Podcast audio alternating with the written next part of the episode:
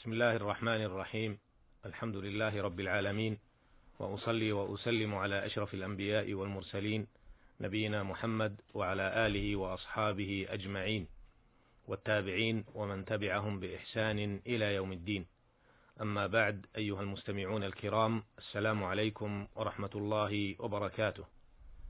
بدأنا الحديث في الحلقة السابقة عما رواه الشيخان رحمهما الله تعالى عن عبد الله بن عمر رضي الله عنهما عن رسول الله صلى الله عليه وسلم أنه قال إذا تبايع الرجلان فكل واحد منهما بالخيار ما لم يتفرقا وكانا جميعا أو يخير أحدهما الآخر فإن خير أحدهما الآخر فتبايع على ذلك وجب البيع. وجاء في معناه ما جاء وجاء في معناه حديث حكيم بن حزام رضي الله عنه قال قال رسول الله صلى الله عليه وسلم البيعان بالخيار ما لم يتفرقا أو قال حتى يتفرقا فإن صدقا وبينا بورك لهما في بيعهما وإن كتما وكذبا محقت بركة بيعهما. وقد وقفنا في الحلقة السابقة وقفة مع قوله إذا تبايع الرجلان فعرفنا تعريف البيع وحكمه وشروطه وفي هذه الحلقة نكمل بقية الوقفات مع هذا الحديث. الوقفة الثانية. قوله بالخيار بكسر الخاء. اسم مصدر اختار أي طلب خير الأمرين من الإمضاء أو الرد. وقوله ما لم يتفرقا أي من مجلس البيع والشراء. وقوله في حديث حكيم بن حزام البيعان بتشديد الياء. يعني البائع والمشتري أطلق عليهما من باب التغليب. وقوله محقت أي ذهبت وزالت زيادة كسبهما وربحهما. الوقفة الثالثة. دل الحديث على ثبوت خيار مجلس البيع. فإذا تبايع الرجلان ثم طرأ لأحدهما فسخ عقد البيع وهما لا زالا جميعا في مجلس البيع فله ذلك. استنادا إلى قوله صلى الله عليه وسلم في الحديث إذا تبايع الرجلان فكل واحد منهما بالخيار ما لم يتفرقا وكانا جميعا. وفي الحديث الآخر البيعان بالخيار ما لم يتفرقا. وعلى هذا أعني ثبوت خيار المجلس. ذهب جمهور أهل العلم من الصحابة والتابعين وهو قول الشافعية والحنابلة. وفقهاء أصحاب الحديث. وذهب الإمام مالك وأبو حنيفة رحمهما الله تعالى إلى عدم القول بثبوت خيار المجلس معتذرين عن الأخذ بهذه الأحاديث بأعذار متعددة. قال ابن عبد البر رحمه الله تعالى قد أكثر المتأخرون من المالكيين والحنفيين من الاحتجاج لمذهبهم في رد هذا الحديث بما يطول ذكره وأكثره تشغيب لا يحصل به شيء لازم لا مدفع له.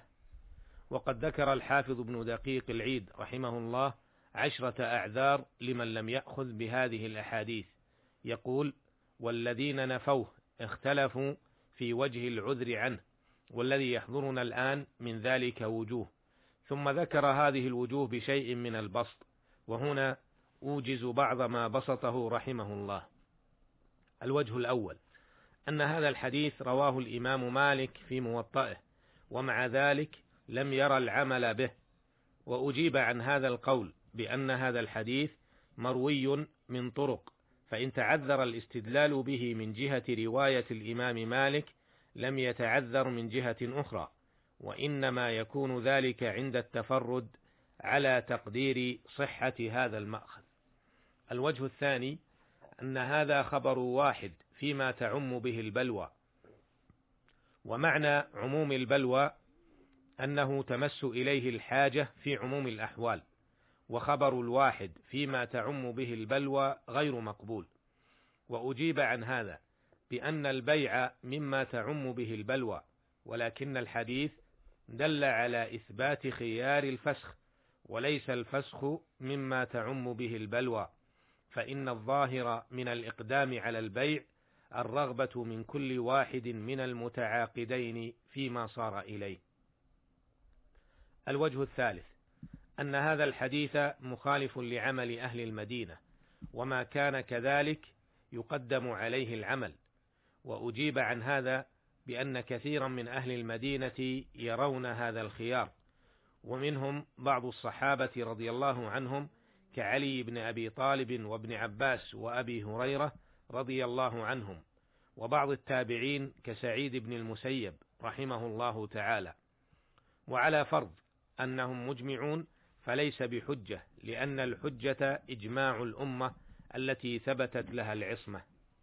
الوجه الرابع ذكر بعضهم أن المراد بالمتبايعين المتساومان. والمراد والمراد بالخيار خيار القبول أي خيار قبول المشتري أو رده.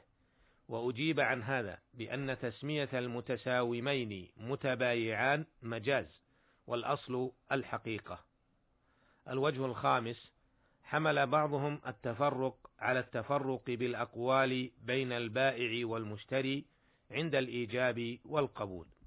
وأجيب عن هذا بأنه خلاف الظاهر من الحديث بل خلاف نص بعض الأحاديث. الوجه السادس. ادعى بعضهم أنه حديث منسوخ إما لأن علماء المدينة أجمعوا على عدم ثبوت خيار المجلس وذلك يدل على النسخ وإما لحديث اختلاف المتبايعين. وذلك فيما رواه أحمد والنسائي عن ابن مسعود رضي الله عنه أنه قال قال رسول الله صلى الله عليه وسلم إذا اختلف البيعان وليس بينهما بينة فالقول ما يقوله صاحب السلعة ويترادان وزاد ابن ماجه والمبيع والمبيع قائم بعينه. وأجيب بأن النسخ لعمل أهل المدينة قد سبقت الإشارة إليه ثم إن النسخ لا يثبت بالإحتمال.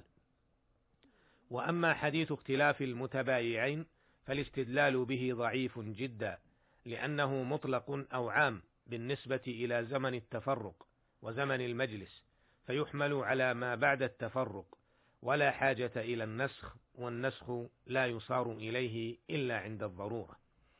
هذه بعض وجوه الاعتذارات عن العمل بهذا الحديث ممن لم يروا القول بخيار المجلس وهذا هو الجواب عنها وبهذا يتبين أن قول جمهور أهل العلم وهو ثبوت خيار المجلس هو ما يدل عليه الحديث.